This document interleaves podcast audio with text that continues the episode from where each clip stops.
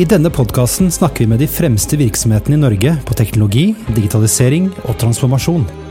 Hva skal til for å lykkes, og hvordan går man frem? Du lytter til Teknologi og mennesker, en podkast av Athea og Oslo Business Forum.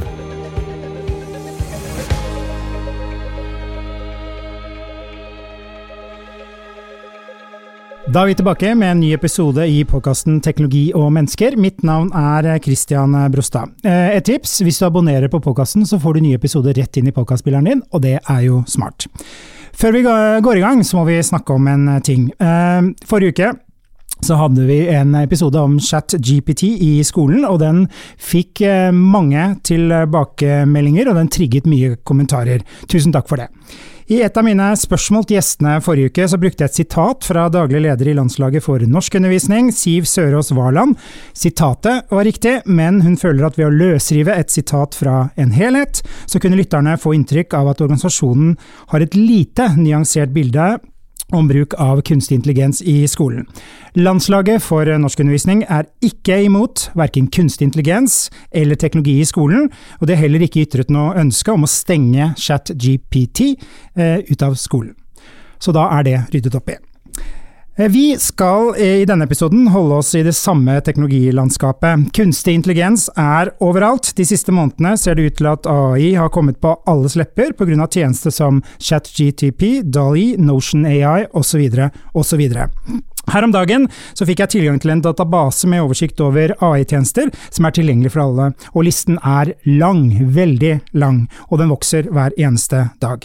Det estimeres at det globale markedet for kunstig intelligens vil være verdt svimlende 1395 milliarder dollar i 2029.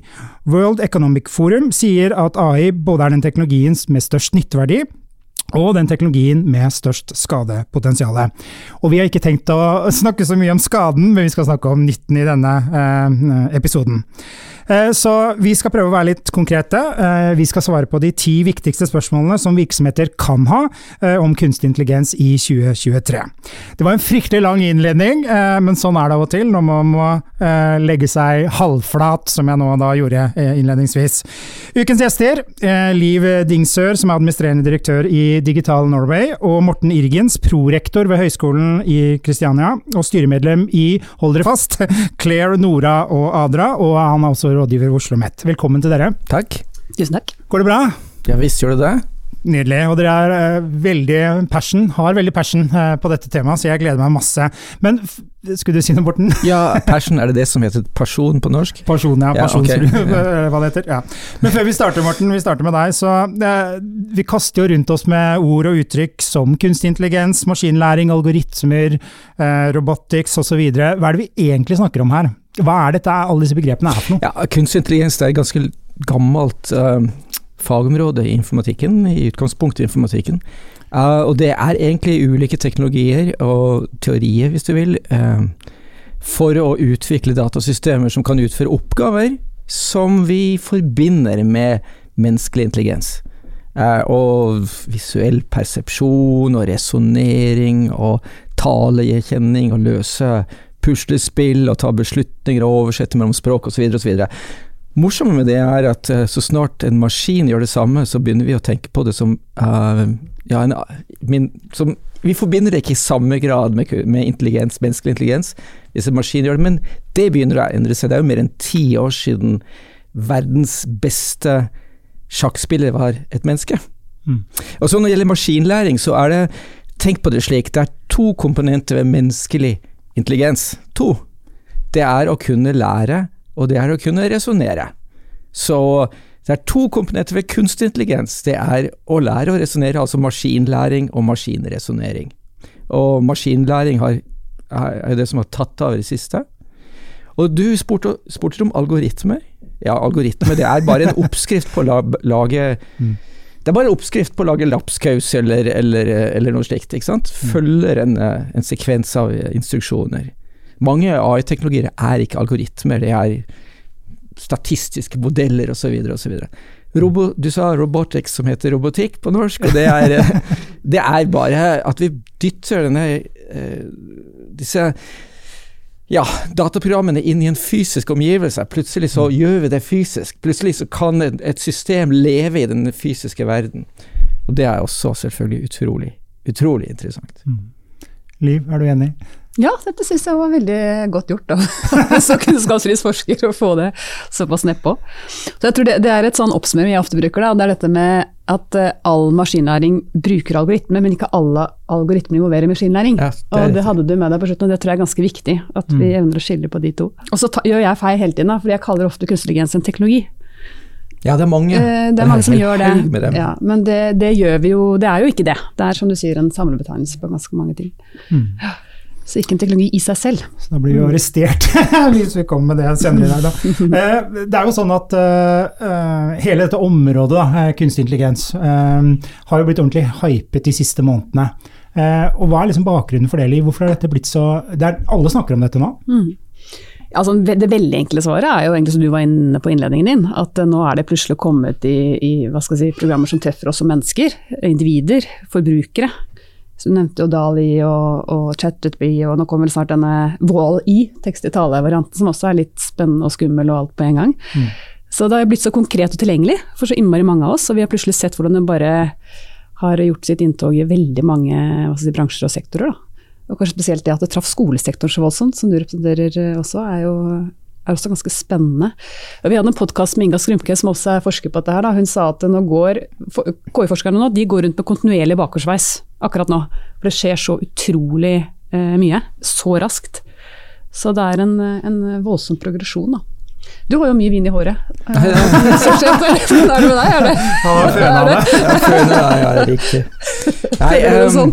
ja, altså, hva er grunnen til at AI har blitt så hypet? Uh, AI går gjennom perioder av popularitet og avsky, liksom. eh, såkalt AI-vintrer og AI-somrer og slike ting.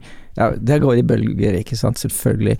Men det er fem grunner til at det har blitt så mye hypet, eller seks grunner kanskje, til å bli så mye hypet de siste, siste månedene og årene. Nummer én, det er utviklingen innen maskinlæring maskinlæringsteknologier. ikke sant? Nevrale nett og dyplæring osv. Men nummer to er vi har jo billige maskiner, altså, og vi har kraftige maskiner. Det er nummer tre. Um, de, de tingene vi gjør nå, kunne vi ikke bare kunne ikke engang drømme om uh, på 90-tallet. ikke sant? Uh, så vi har maskinlæringsteknologier, billige maskiner, kraftige maskiner. Nummer fire er tilgjengelige algoritmer og software-systemer. Vi kan laste ned fantastisk interessante algoritmer og systemer, og så kjøre en bachelorprosjekter på det. Fantastisk. Nummer fem, tilgjengelig dataliv. Data er overalt, og, og det, det gjør det så mye enklere å kjøre i og, og lære opp disse systemene. De kan bare suge til seg fra nettet, dessverre. Eh, og så er det nummer fem, tilgjengelig kapital. Det har vi hatt en lang periode nå. Vi kunne investere i, i, eh, um, i private uh, ja, eh, gründerfirmaer osv. Som, som, som snur markeder opp ned. Og så sa du en ting som jeg ikke hadde tenkt på, Liv. Eh, Det er at eh, disse teknologiene demokratiserer tilgjengeligheten av teknologi. Min gamle mor, ikke sant, hun har problemer med å google, men tenkte med ChatGPT så kan du bare, med talegjenkjenning og talegenerator, kan du bare sitte og prate med internettet, ikke sant. Få all verdens tek... eh, Nei, unnskyld meg, all verdens kunnskap til seg. Når går bussen fra Hov til Gjøvik? Ja, får du vite det, så kan du ha en dialog. Kan du sitte og snakke hele dagen. Det er demokratisering, det. Mm. Ja. Nå skinner øynene til Morten. Nydelig. Um, Liv, um, hvor skal virksomheter bry seg om dette her i det hele tatt? Nei, Det er det mange grunner til. Du, nå var Morten inne på det også, det er dette med at vi må jo forholde oss til dataøkonomien. På et tidspunkt, ikke sant. Tidspunktet er før du tror. Utviklingen går kjemperaskt, og samspillet menneske-maskin, når oppgavene vi skal løse er så komplekse som de er nå, det blir viktigere og viktigere. Eh, Så det er viktig for flere å forstå, tenker jeg, sånn at vi kan eh, utnytte dette mulighetsrommet både klokt og riktig. Så det er det ene. Det andre er jo at det er jo nyttig å ha en viss innsikt i det vi allerede bruker. Altså Vi bruker jo dette hver eneste dag, alle sammen. Eh, maskinlæringen vår eh, i mailboksen, i kartappen, i regnskapssystemet. ikke sant? Så vi bruker det. Og det er nyttig å ha en viss innsikt i akkurat det. Og så er det en annen ting som jeg er litt opptatt av, da, som jeg ser um, kanskje er litt vanskelig å få gjennomslag for. Det er jo noe med å forstå hvordan ting henger sammen. Altså Det er noe med noen økosystemer her, ikke sant. Og det er litt sånn Hvis du tar bort en insektart fra naturen, så kan plutselig hele hele samspillet kollapse. Altså det er en symbiose mm. som fungerer sammen. Og det vi har sett i det siste, som du snakket også om, det med tilgjengeliggjøring av data, ikke sant? med skyen, da, eller skyteknologi, som har tilgjengeliggjort så enorme mengder med, med, data. Eh, som tidligere har ligget fragmentert overalt. ikke sant? Nå har vi plutselig tilgang til dette, og vi har maskinlæringsalgoritmer som evner å sette det sammen og, mm. og komme frem med ganske spennende, interessante og, og overraskende eh, ting. Og da får maskinen til å fremstå som intelligent. da. Og så har du sensor som integrerer dette. Så for virtuell virkelighet. Altså alt dette henger liksom sammen. Så hvis du tar bort det ene, så forsvinner kanskje det andre. Så vi, vi må evne å liksom se helheten. Eh, og så syns jeg en fjerde ting, bare for å avslutte med det. Eh, det var et ord jeg hørte som handler om altså ikke, ikke misuse, men misuse. Altså det at du En forspilt mulighet. Mm. Ikke sant? Eh, vi kan bli opptatt, veldig opptatt av at vi kan gjøre feil, men jeg tenker det handler vel så mye om det å at virksomheten har en system eller en prosess eller noe som med fordel kunne vært optimalisert eller automatisert. Og så har vi rett og slett ikke nok innsikt til å forstå eller se det. da. Så, så det, vi må forholde oss til det. Det er nyttig å ha innsikt i det som foregår. Vi må forstå økosystemet i større grad, for ting henger sammen mer og mer når det er komplekst. Og så må vi passe på at vi ikke forspiller muligheter. Og det eh, tenker jeg, eh, nevnte jeg et ord, eh, data. Og min erfaring, eh, og det selskapet jeg jobber i, så er det jo ganske mange virksomheter eh, Morten, eh, som ikke har orden i sysakene på data. Altså, hvis data bare flyter og du ikke har peiling, så ja. er jo dette helt meningsløst å begynne å tenke på, da? Eller? Nei, altså, du det, det, spørsmålet ditt leser jeg i konteksten at du spurte Liv hva, hvorfor skal virksomheter bry seg om, om, da, om AI. Unnskyld mm. meg. Og svaret mitt er hvorfor skal virksomheter bry seg om teknologi? Uh, og hvorfor skal vi bry oss om teknologi? Det er, det det er, det er grunnleggende her. Um, nå skal jeg fortelle en liten, uh, liten historie. Det var to fisker som svømte rundt i sjøen. Og det var en nydelig, to unge fisker, en nydelig dag, og solen skinte gjennom, eh, ja, gjennom havoverflaten, og, og, og de, de, de, de, svømte i vei. Og så, så, møtte de en gammel fisk på veien, som uh, nikket og hilste og sa hei gutter, hvordan er vannet i dag? Og så hilser de, og så svømmer de videre, og så sier eh, den ene unge fisken til den andre hva er vann? Og teknologi er vårt vann. Det omgir oss absolutt overalt og blir mer, eh, mindre og mindre synlig. Det integrerer seg i, i, eh, i, i livene våre, i, samfunnet vårt og i, arbeidsmiljøene våre. En annen, altså Tenk deg følgende. På, I middelalderen så begynte det å dukke opp klokketårn på alle bytorg i Europa. Hva skjedde med oss som mennesker da?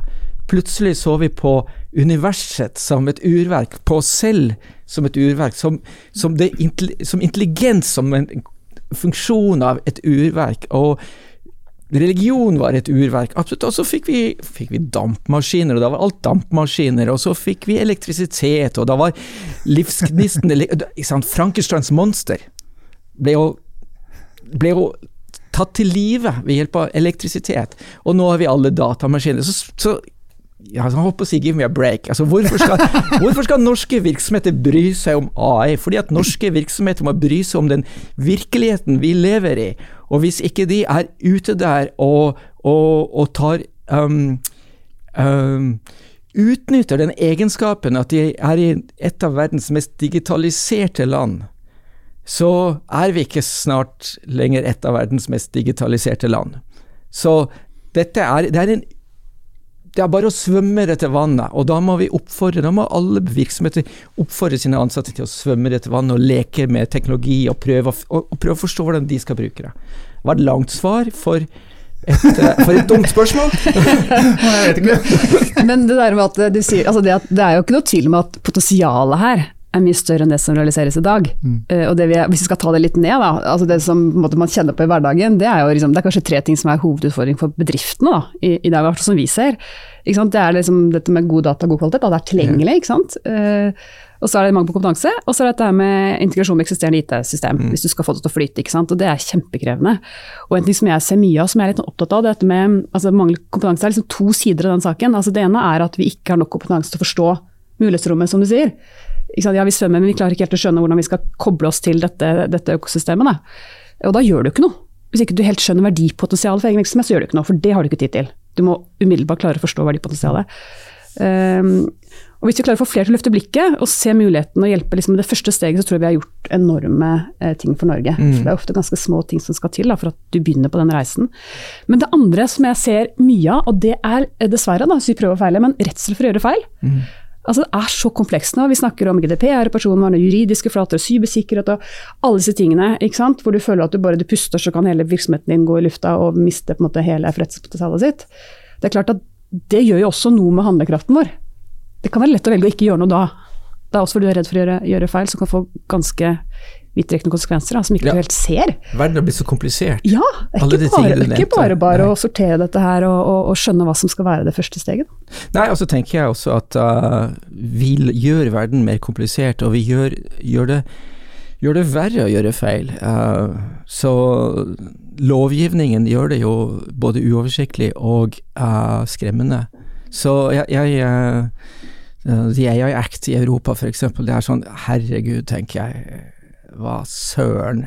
Det, gjelder, det er ikke veldig oppmuntrende for, uh, for å, å prøve ut nye innovasjoner, altså. Eh, Tvert imot, og Europa er allerede mm, på bakbeina. Og det kommer vi litt tilbake til etterpå, men eh, kanskje nok et dumt spørsmål da, Morten. Men, Nei, jeg bare, jeg bare erter deg, ja. Ja, jeg skjønner. Eh, fordi eh, det høres jo fint og flott om det der vann og alt bare flyter og, og så videre, men eh, jeg tenker jo at eh, du var så vidt inne på det, Liv, for dette krever jo også litt annet lederskap. altså Hvordan skal du le, lede en virksomhet i et stormfullt hav, da, eh, hvor ting bare flyter? Er det sånn at eh, ledere som ikke ser, som ikke oppmuntrer, eh, som du snakket om Morten, gjøre feil, at det er helt greit å gjøre? Hvordan, eh, hvordan ser du på lederrollen i dette landskapet? Eh, Jeg tror også en hel... Spurte du meg nå? Eller tok jeg ordet? ikke meningen å ta ordet. Morten sier nok så. Ja, ikke sant. Nei, men jeg tror det er et, det er virkelig, jeg mener at det er lederansvar å se uh, muligheten med, med ny teknologi. Mm. Uh, Ikke sant? Uh, men så er det klart, så er det litt ulike roller i en virksomhet, og noen skal se mulighetsrom i kontekst av domenekunnskap, eller, eller et økosystem bedriften er en del av. Liksom, noen som skal klare å oversette disse mulighetene eh, ikke sant? til konkrete prosjekter og aksjoner. Noen skal legge til rette for at dette kan skje samtidig som du drifter. Men alt dette er jo et lederansvar. Eh, og jeg tenker Det første man bør stille seg, det er noen, det er noen kontrollspørsmål da, eh, som jeg er litt opptatt av når du tar i bruk teknologi. Det er dette med altså, hva er mulig med teknologien? Hva er greit etisk, og hva er lov? jus. Så det er, liksom, det er et lederansvar å forstå. Eh, hva er mulig, hva er lov, og, og hva er greit.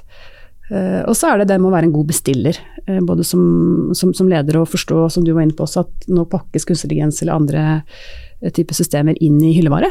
Mm, ja. Ikke sant? Sånn at uh, den viktigste jobben du har som leder nå, det er å bli en god bestiller av teknologi, da, eller kunstig intelligens, hva vi velger å kalle det. Så det å forstå hvilke spørsmål man skal stille, stille eh, det er, eh, mener jeg faktisk at en leder ikke kan overlate til IT-avdelingen eller, eller markedsavdelingen, eller hvor man velger å legge disse tingene, det flyter litt, men, men det må man faktisk ta ansvar for selv. da. Eh, Så de spørsmålene kan vi komme tilbake til, men eh, definitivt er lederansvar å se dette potensialet eh, for økt verdiskapning og mulighetsrom med teknologi. Og hva kan Du er jo veldig teknologoptimist og elsker jo dette området, Morten. Eh, Men for en stakkars leder Nei, altså eh, La oss skille mellom, uh, mellom vanlige SMB-er, altså små og mellomstore bedrifter, og det vi kan kalle uh, IDB-er, innovasjonsdrevne bedrifter. Uh, små og mellomstore bedrifter ser vi at eh, eh, kunstig intelligens blir komponent, blir en del av av eh, produkter og tjenester de kjøper. Man vet ikke engang at det er AI der, et eller annet sted inne i systemet. Så, så, så, så hva når det er et spørsmål om hvordan, hvordan norske bedrifter kan ta i bruk AI, så er det jo bare å, å, å være foroverlent og passe på at man alltid har de, de, de, verktøyene som tjener bedriften sin best, og så hender det at noen ganger er det AI, andre ganger er det ikke. Men når det gjelder innovasjonsdrevne bedrifter, så er saken noe annet. Altså de, disse må ha en helt annet og foroverlent tilnærming til AI og data og dypteknologier generelt, det, som gir fantastiske muligheter for norske bedrifter, små og store. Absolutt. Og det er jo, som jeg sa, fordi Norge er et av de mest digitaliserte land i verden, så vi går først inn Vi er blant de første som går inn i en verden av nye muligheter. Uh, det er ikke uten grunn at de to første gode musikkstrømmetjenestene var norsk og svensk. Altså Wimp da og uh, Spotify. Uh, som de kommer fra Norge og Sverige. Altså, La oss si det på en annen måte. Nå skal jeg sette det litt på spissen. I, I USA så kan du være inne i en fantastisk lab og se de mest fantastiske tingene. Altså Går du ut på gata, og der er det en payphone på hjørnet som kan, kan ringe med quarter. ikke sant? Norge er et laboratorium på nasjonsstørrelse. Eh, og Det betyr at vi går først inn i denne både utfordringene og farene og mulighetene. og Der må altså norske bedrifter bare benytte seg av. Fordi at resten av verden puster oss veldig hardt i nakken. da. Og da har vi en annen situasjon.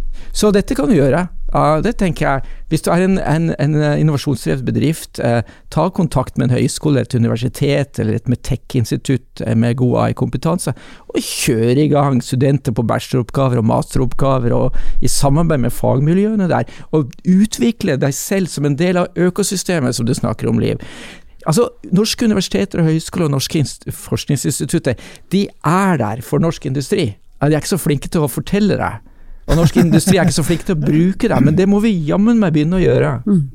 Du kan til og med hør, skaffe deg en doktorgradsstudent. ja, jeg er helt enig. Ja. Du er jo borti mange virksomheter, Liv. Eh, ja. Er det sånn at avstanden er litt for lang? Er det mange som gjør det, liksom, eh, det Morten snakker om?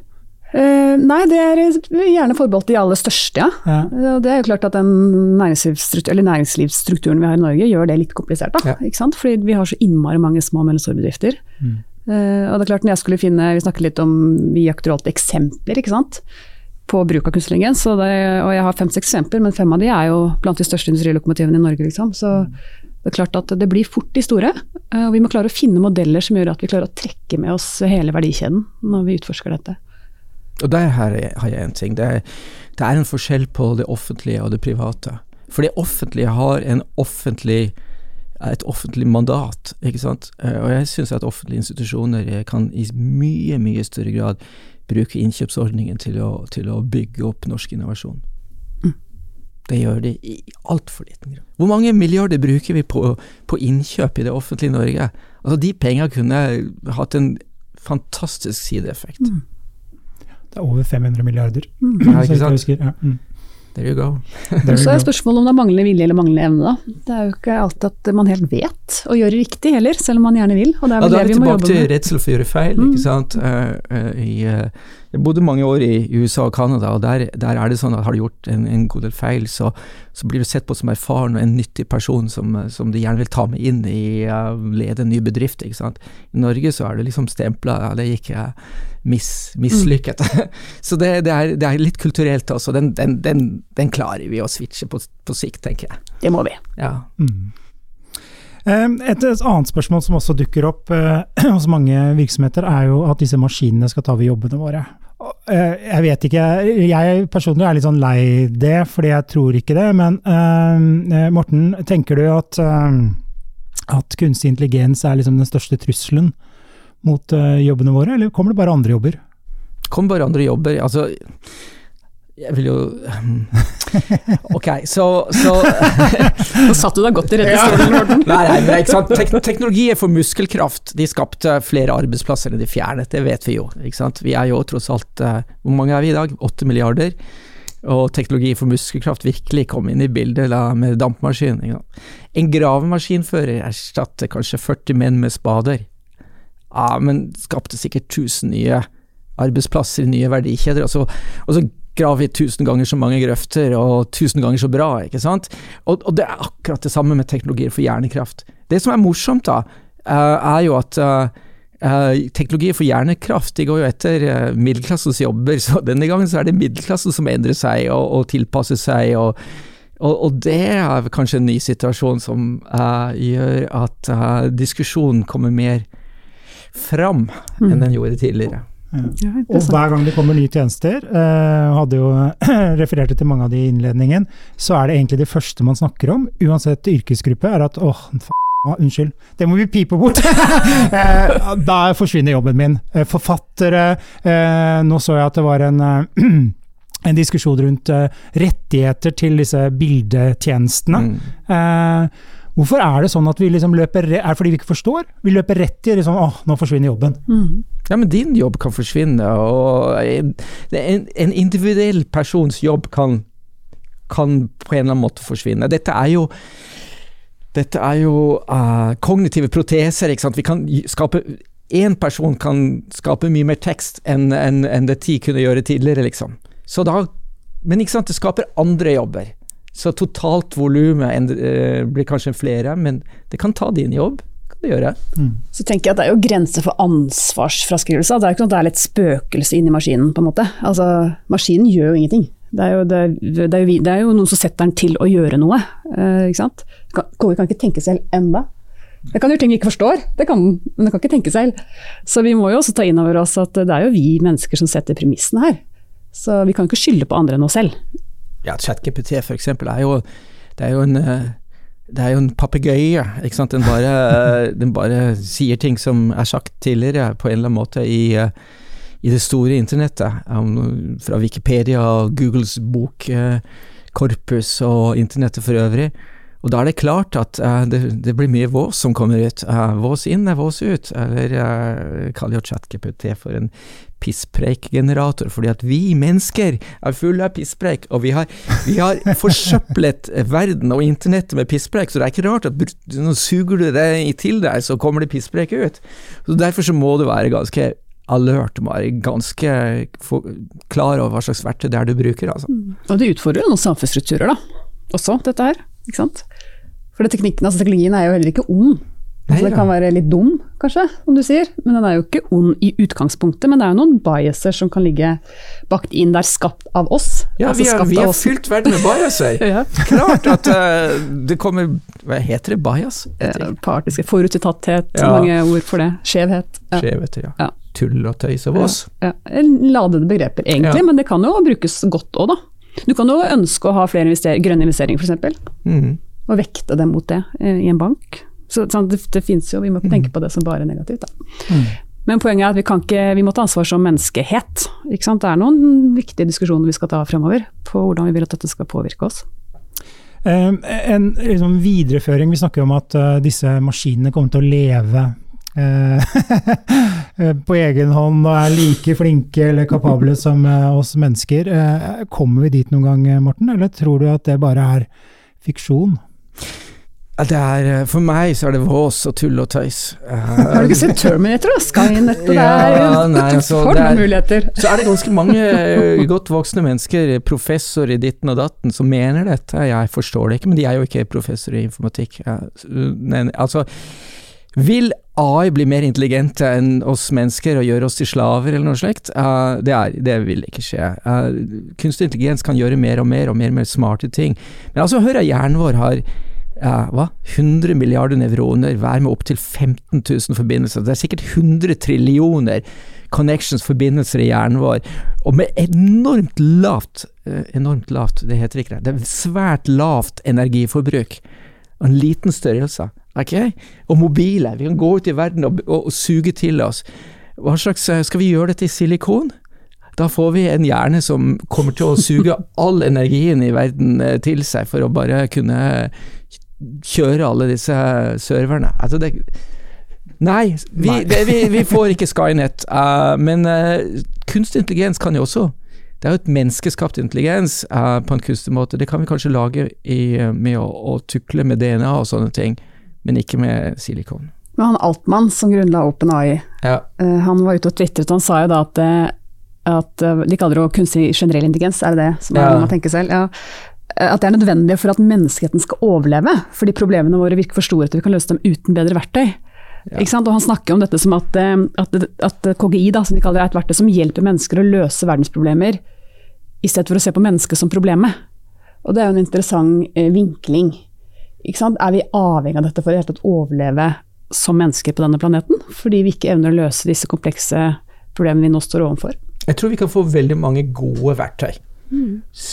Bare spol frem 100 år, ikke sant, og bare se på hva som vi har fått til de siste 50 årene. Så, så er det fabelaktige ting som vil skje.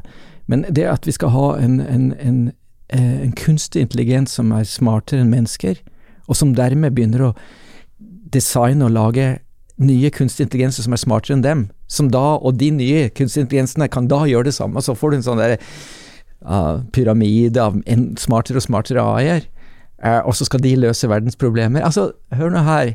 Han, eh, han er en direktøren, han, han, han skal suge til så mye investering som mulig fra markedet, han, og det er veldig mange som syns dette høres veldig kult ut. Skape noen visjoner. Ja, eh, og det er greit med visjoner, men, eh, men dette var jo, dette var jo dette var eventyr.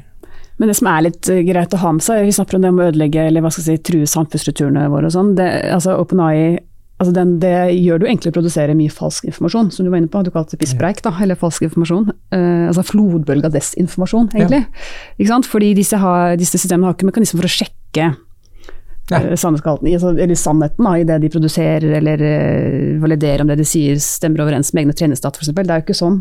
De spyr det jo bare ut. så det er litt sånn autofullføring av setninger på steroider, ikke sant. Og det er klart at det jo en, er jo en kjempeutfordring. Uh, oss, I forhold til hvordan det påvirker oss som mennesker. Ekkokamera og andre spennende, spennende, ting. Og så er det med sikkerhet òg. Mm. Man har gjort litt tester på det, hvordan man kan programmere denne chatboten til rett og slett uh, gjennomføre ganske heftige eh, sikkerhets- eller cyberangrep, rett og slett, for oppskriften. Så det er jo noen, noen elementer der, da, vi skal være litt varsomme med. Og så er det noen dype demokratiske diskusjoner her, ikke sant. For spørsmålet f.eks.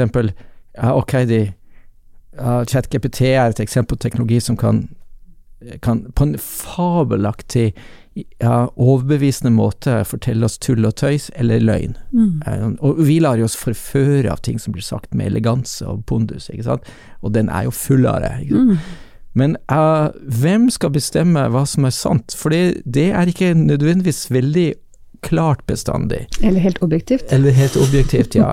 Så er det en, et, eh, en direktør i et eh, amerikansk IT-firma, eller en direktør i et kinesisk IT-firma, eller er det Eh, eller er det FN? Det vil jo FN altså, eller, eller, er det den enkelte nasjon gjennom demokratiske prosesser? Og, og dette er, er, jo vi er jo midt i det problemet. Når, når internettet virkelig kom, så tenkte jeg oi, fantastisk, nå begynner vi å få en teknologi hvor hvor demokratiet kan bli virkelig demokratisert. Alle kan få en stemme, og alle har fått en stemme, og hva, hva er vi i nå? Vi har tilgang til all verdens informasjon, og vi bruker den til å se på koselige kattevideoer, eh, og ellers spy ut uh, meninger som, er, uh, som, ikke er basert på, på, på, realitet.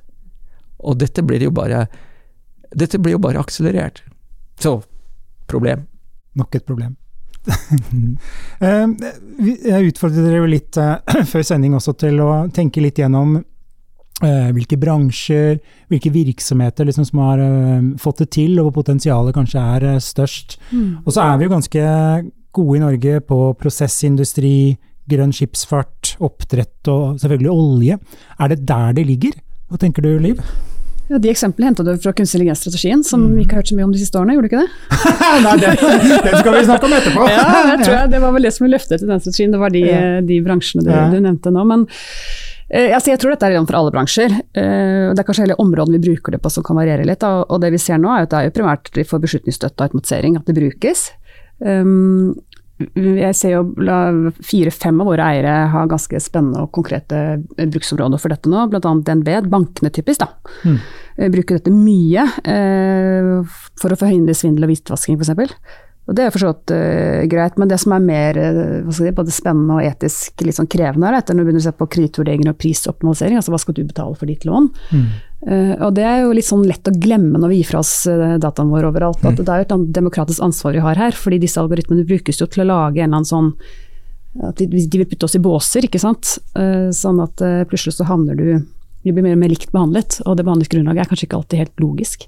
Så der er det noen etiske problemstillinger. Er det sånn at hvis du er født der og der i landet, så har du større sannsynlighet for å misligholde lån? Hvis det blir en vedtatt sannhet, så påvirker det øh, mange. Så ser vi også på Telenor, de bruker det masse. Der går det mye på sånn kundeinteraksjon og optimalisering av markedskampanjer og sånn, men også ute i felt, da, på det vedlikeholdet av, um, eller avvik i mobilnettverket f.eks. Mm for å gjøre at disse ingeniørene spares for litt tid og ressurser, og vi får bedre tjenester. Og så er det jo spennende ting da, som jeg er litt som jeg sa, gøy, som Sintef. Har, det har vært ganske mye snakket om det eksempelet, men det har handlet om sammen med Skanska, Volvo og Ditio, så har de utviklet kunstig intelligens for anleggsmaskiner. Og det er jo et bærekraftsprosjekt som sikkert du har hørt masse om, Morten, vil jeg tro, for det har blitt brukt mye, da. Men det er veldig kult, fordi eh, disse anleggsmaskinene de står for en femtedel av klimagassutslippene på, på, eh, på feltet, ikke sant. Og de brukes jo ikke optimalt i det hele tatt. Så hvis man kan klare eh, å bruke data, som da Skanska allerede logger allerede og automatiserer det på en smart måte, så kan du kutte klimagassutslippene noe helt eh, eh, formidabelt.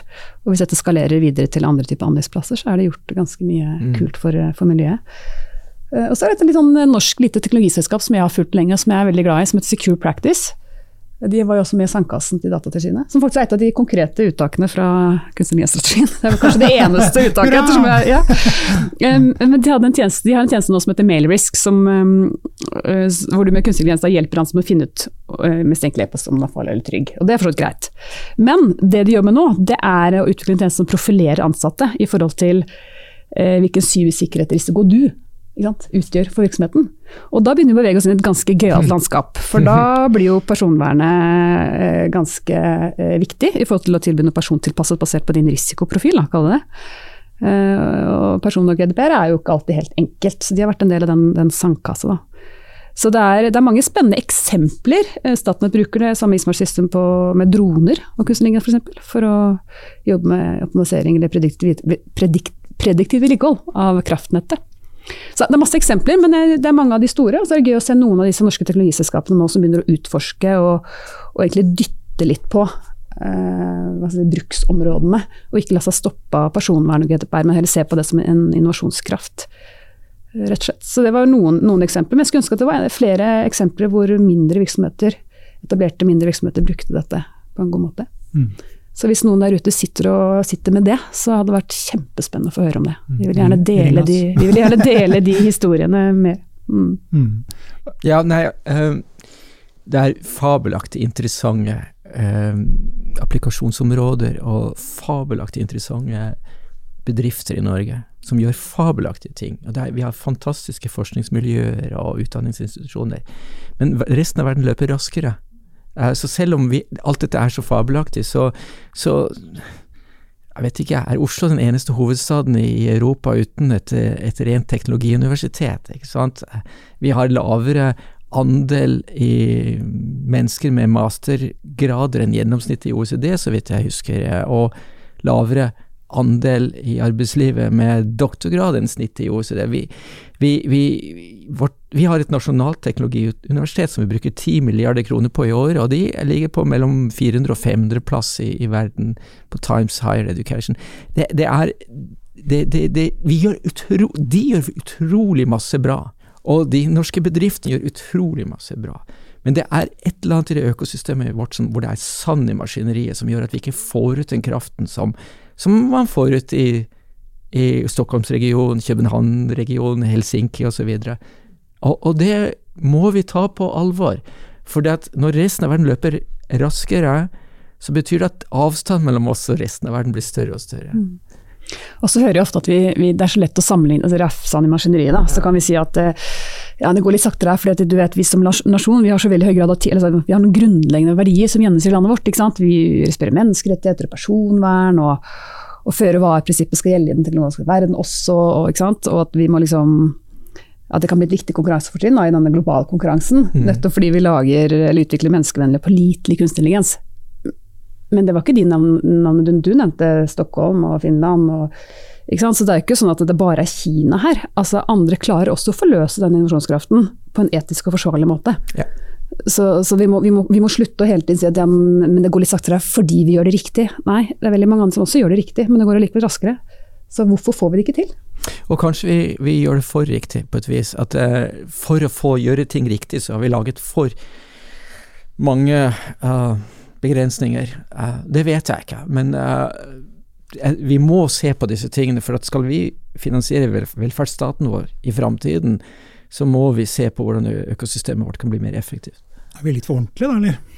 Nei, jeg tror aldri vi skal slutte å gjøre ting på en etisk og forsvarlig måte. Altså. Det skal vi virkelig ikke. Nei, nei, nei, du sa ikke det. Du sa ikke det. Men, eh, men det at vi må debattere på hvordan dette, dette forsiktighetsprinsippet gjør at vi kanskje blir litt redde for å bevege oss, det tror jeg vi skal våge å diskutere litt mer. Altså hvor er det det stopper opp, hvor er det vi blir for bekymret, eller hvor er det vi uroer så mye at vi ikke får gjort noe som helst. Det er viktige diskusjoner å ta. Og så skulle jo kanskje man tro at en, eh, en utredning fra regjeringen Jeg vet dere har mye energi på denne eh, rapporten som kom om eh, kunstig intelligens. I januar, jeg sjekket januar 2020. Hva har skjedd med den, eh, Morten? Ja, hva har skjedd med den? Ja, det hva har skjedd med den? Det er spørsmålet mitt. Ja. Jeg kan ikke svare på det, jeg. Hva har skjedd med den? Men var det et håp om at den liksom skulle forløse litt? Ja, hva har skjedd med Vi hadde en digitaliseringsminister. Hva har skjedd med den, holdt på å si? Eller den rollen? Mm. Eh, jeg kan ikke svare, jeg. Liv, kan du svare? Nei, jeg hadde tenkt å sende dem alt til deg, for jeg er litt usikker. Men det er klart, sandkassa er et konkret tiltak, og den er Ja. faktisk videreført. Og den er viktig, fordi Mm. den setter oss i stand til å faktisk ta en del av disse litt grunnleggende diskusjonene med, som du var inne på, er, gjør vi ting for, for riktig? Som gjør at vi liksom forhindrer innovasjonskraften vår. Så det er et viktig tiltak, men det er jo litt smått. Eh, Og noe av det jeg syns var kanskje mest fascinerende, det er eh, altså Jeg heier jo veldig på at det grønt industriløftet, eller regjeringens veikart som kom her i, i fjor.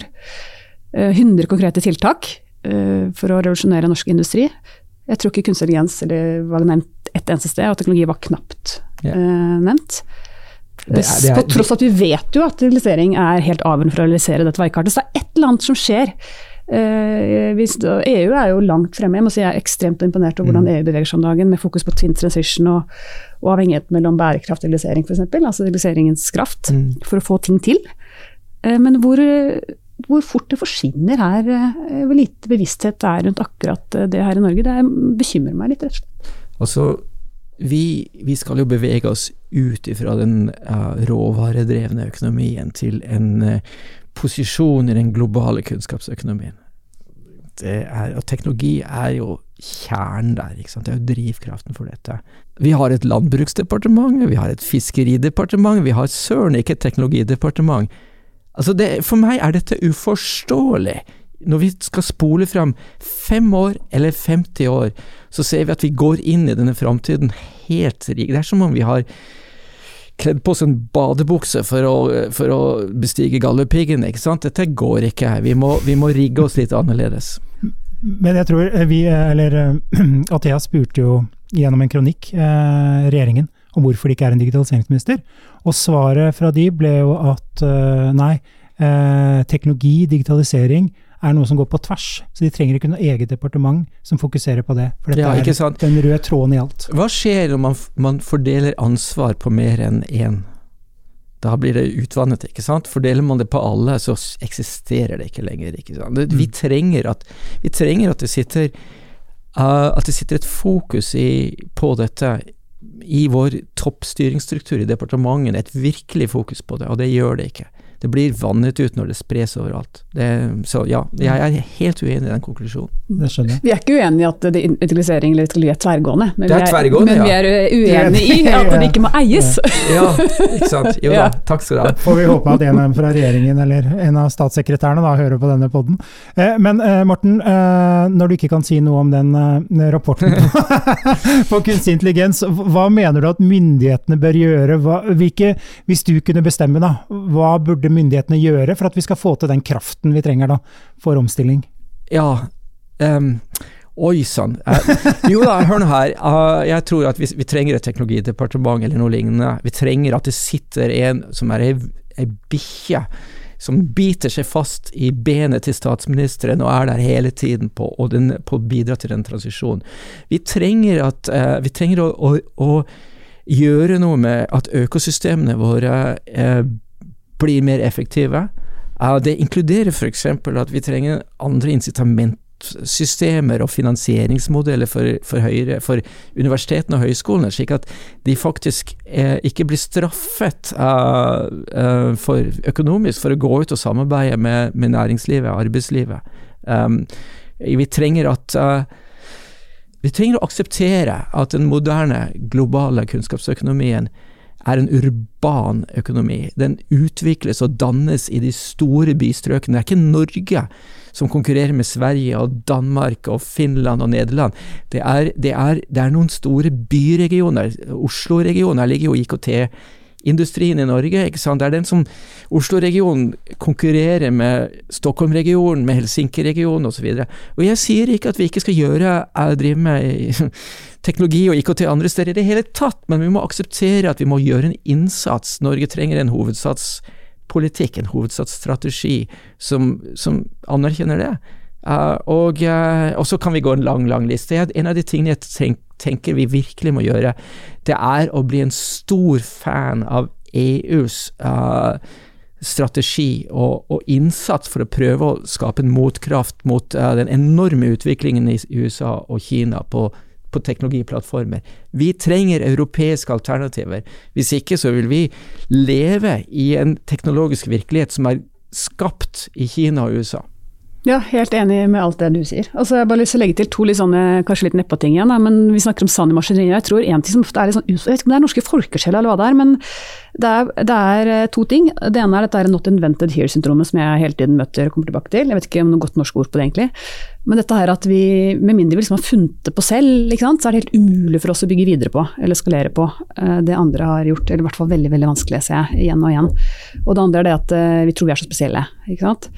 Og, og, nå jobber jeg i Dijonova, og vi sitter jo liksom i smeltedigelen og jobber både med akademia og forskningsinstitusjoner, vi jobber med offentlig sektor og virkemiddelapparat, og, med, og næringslivet åpenbart, og, offentlig sektor. Vi, vi, ser at det er jo akkurat de samme problemstillingene uh, som dukker opp overalt. Det er liksom 80 når vi snakker om teknologi og digitalisering, da, og det å ta i bruk teknologi og nyttiggjøre seg data. Det er det samme. Det er de samme utfordringene. Og hvis ikke vi liksom evner, hvis ikke regjeringen da, evner nå å virkelig være med og løse disse generiske problemstillingene på smarte måter for fellesskapet eh, på en enhetlig måte, så kommer vi aldri til å få opp farta. Eh, vi må våge rett og slett å skape noen felles strukturer, og det er kanskje det noe av det vi bruker aller mest tid på der jeg jobber, mm. er nettopp det. Eh, fordi vi klarer ikke å løse dette selv, og det er veldig samfunnsøkonomisk, jeg vil kalle det idiotisk, at vi gjør det. At liksom hundretusenvis av bedrifter skal finne opp, finne på alt dette selv. Og finne løsninger på alle disse generiske problemstillingene. Det er vi nødt til å løse, eller finne, finne ut av sammen. Da. Og så må vi bare bli innmari mye flinkere til å, å, anerkjenne og verdsette det de rundt gjør oss, og det de rundt oss gjør, og så bygge videre på det. Ikke Hvis ikke så kommer jo ingen vei. Så vi må legge bort den der Hvis ikke det er sykdom i legebryst, så kan det være det samme, liksom. Vi må se på okay, hva Start med å spørre om det. Hva har andre gjort? Er det noen i min bransje, er det noen i en annen bransje som har gjort noe som er verdt å bygge videre på? Er det noen læringer gjort, ikke sant? Og det der med å dele de erfaringene på tvers av bransjer også, det er noe av det vi bruker mest tid på, for det er så viktig. At ikke vi må finne opp kruttet på nytt og på nytt. Og det er et eller annet norsk med det, jeg vet ikke helt hva det er. Eh, men jeg ser det at eh, om du jobber i et departement, eller om du jobber i en kommune, eller om du jobber i et eh, næringsliv, eller om du jobber i akademia, eller hvor som helst, så er det Du står i de samme greiene. Vi trenger ikke å lage et eget kompetanseløft for kommunene. Ja, kanskje 10 det er litt spesielt, hvis du jobber med forvaltning. Men ellers er det ganske likt. Mm. Så vi må, vi må, slutte å, tro Det er jo liksom menneskesjela, da. Vi er jo alle unike, selvfølgelig, men vi er ikke så unike når det gjelder akkurat dette. Ja. Og så er vi ikke, ikke sant? Det er utrolig mange smarte mennesker ute i verden. Så legge til den dimensjonen der. Jeg tror Norge trenger en, en, en, eh, en, en immigrasjonspolitikk, innvandringspolitikk, som trekker til seg de beste talentene. Altså nå skal eh, ikke sant? Vi, vi, trenger, vi trenger dyktige internasjonale forskere på våre universiteter.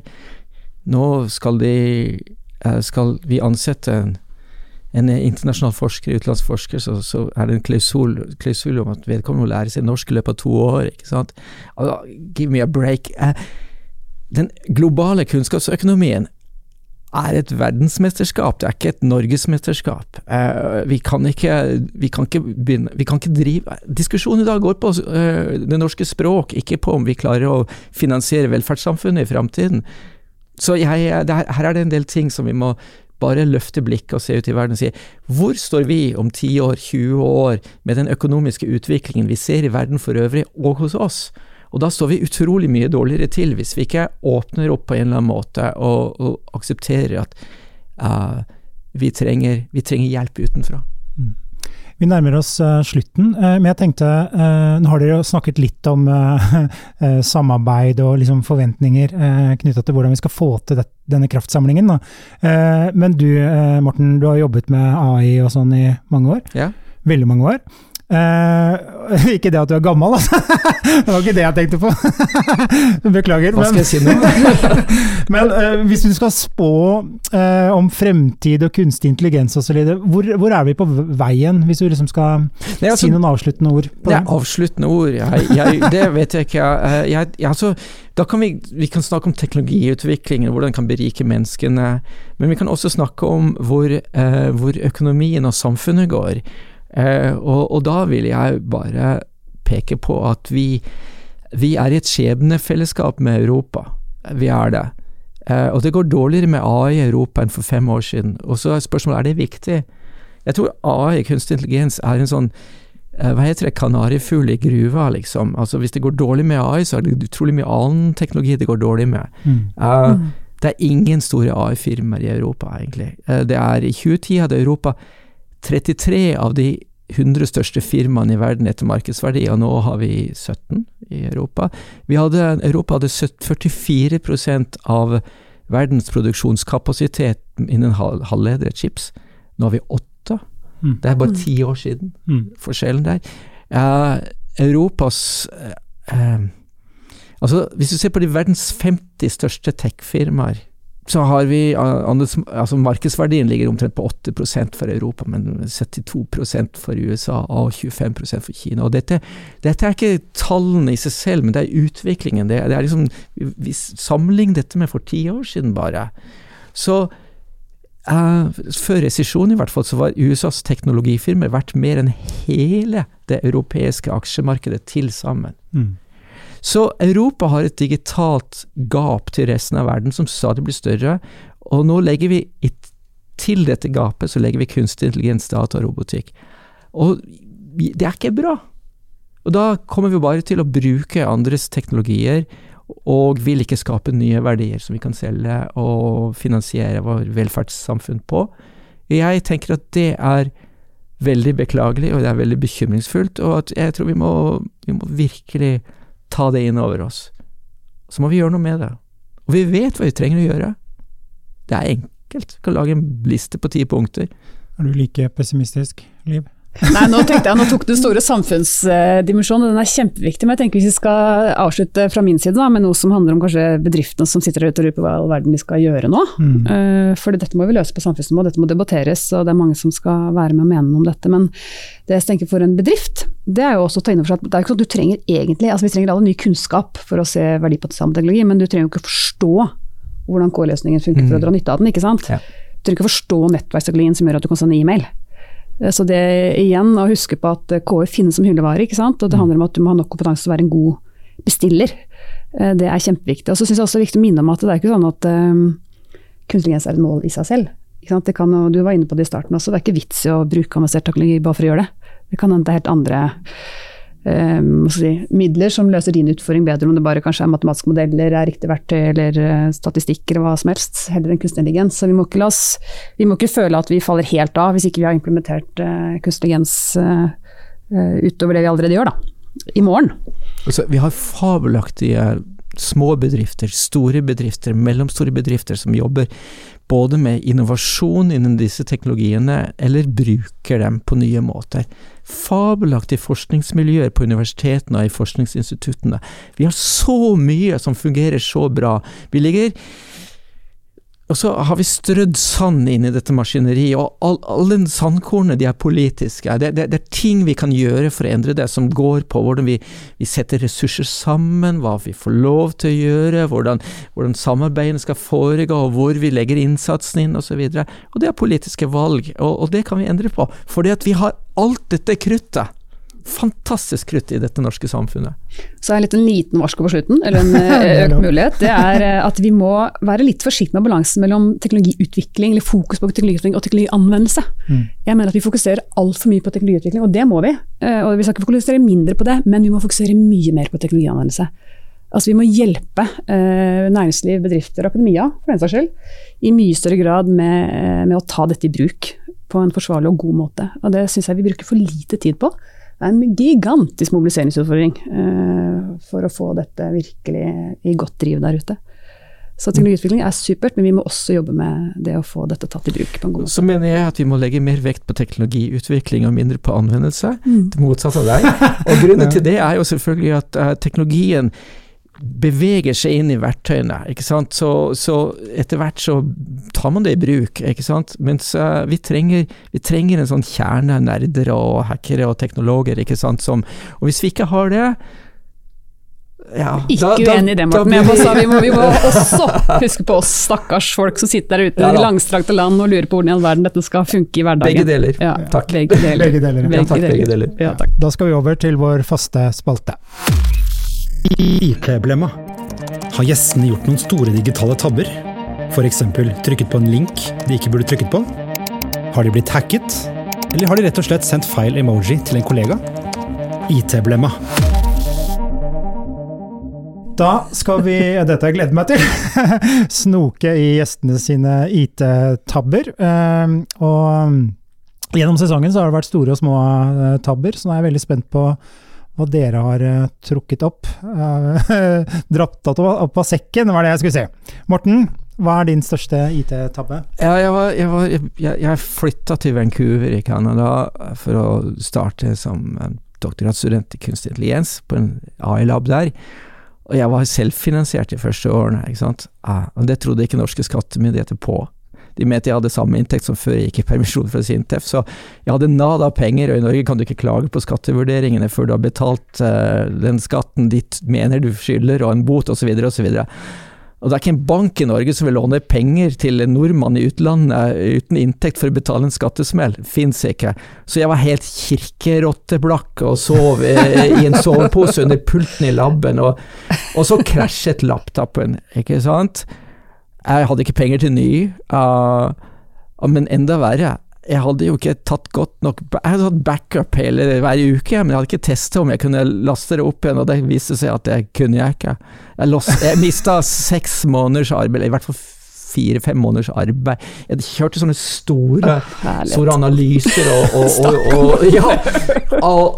ikke sant? Uh, så da var jeg ganske nært å gi opp, altså. Uh, var ganske nært å bare si F it, uh, og dra min vei. Uh, men uh, det, var, det var greia mi. Det var den største IT-tabben min, altså. Ja. Store konsekvenser. Men hvordan gikk det med skatteetaten? Var det? Ja, altså, jeg, altså, Fikk de penger? Nei, jeg måtte, jeg måtte, ja, jeg gjorde, altså, jeg måtte uh, låne Jeg måtte gå til mine foreldre i godt voksen alder og spørre dem om jeg kunne få låne penger av dem. Så gikk de til uh, banken og tok opp et lån på huset. Så ga de det til meg, og så brukte jeg det til å betale boten, betale skatten, kjøpe en ny laptop. Eh, og, eh, og, betale en skatteadvokat som vant saken for meg. Men uh, ja, det holdt på å kjøre meg helt i grøfta, det der. Altså. det var mye penger! Multiproblem. det er jo sånn, et problem kommer ikke alene. Nei, ja. Liv, har du noe juicy? Mm, ikke noe juicy. Veldig sånn nært og kanskje litt gjenkjennelig eksempel. Jeg hadde jobbet, det var nå, ganske nylig, jeg hadde jobbet masse med en prestasjon uh, til et ganske svært event. Uh, og så hadde jeg virkelig lagt min sjel i å lage en god storyline, så hadde jeg brukt bilder av Lisa Isato faktisk, for å illustrere mange av poengene mine. Så det var sånn mm. hele storyline som var mm. bygget opp rundt disse bildene som jeg syns er helt nydelige. Og de mm. passet så perfekt til den konteksten. Og så slo det meg liksom ettermiddagen før at shit, det er kanskje noe som heter copyright også på digitale bilder. Det visste jeg selvfølgelig, jeg hadde bare liksom ikke helt tenkt på det. Mm. Eh, så jeg prøvde å få tak på bruksrettighetene i disse bildene, men det viste seg å være helt umulig. Så da satt jeg kvelden før og tenkte hva i all verden gjør jeg nå? Og da gjør jeg som veldig mange har gjort. Da spurte jeg Dali om hjelp. Eh? For å, å, å hente bilder derfra da, for å illustrere disse poengene. Og det ble en helt annen prestasjon, mm. eh, men den ble egentlig bedre. Og det, læringen for meg det var at det å måtte definere og beskrive hva jeg egentlig ville illustrere med disse bildene, det var utrolig nyttig og disiplinerende, rett og slett. Eh, og der kjente jeg at det var jo ikke teknologien det sto på, det var jo min si, kreative evne, rett og slett. Så alt på internett, ikke fritt fram å bruke, men i lys av dagens episode, kunstig intelligens to the rescue, tenker jeg. Bravo. Nydelig. Bra avslutning. Eh, Liv og Morten, tusen, tusen takk for at dere kunne være med, og tusen takk til deg som har lyttet på. Du har nå lyttet til Teknologi og mennesker laget av Athea og Oslo Business Forum. Liker du podkasten, setter vi stor pris på om du gir oss noen stjerner. Og tips gjerne en venn om podkasten.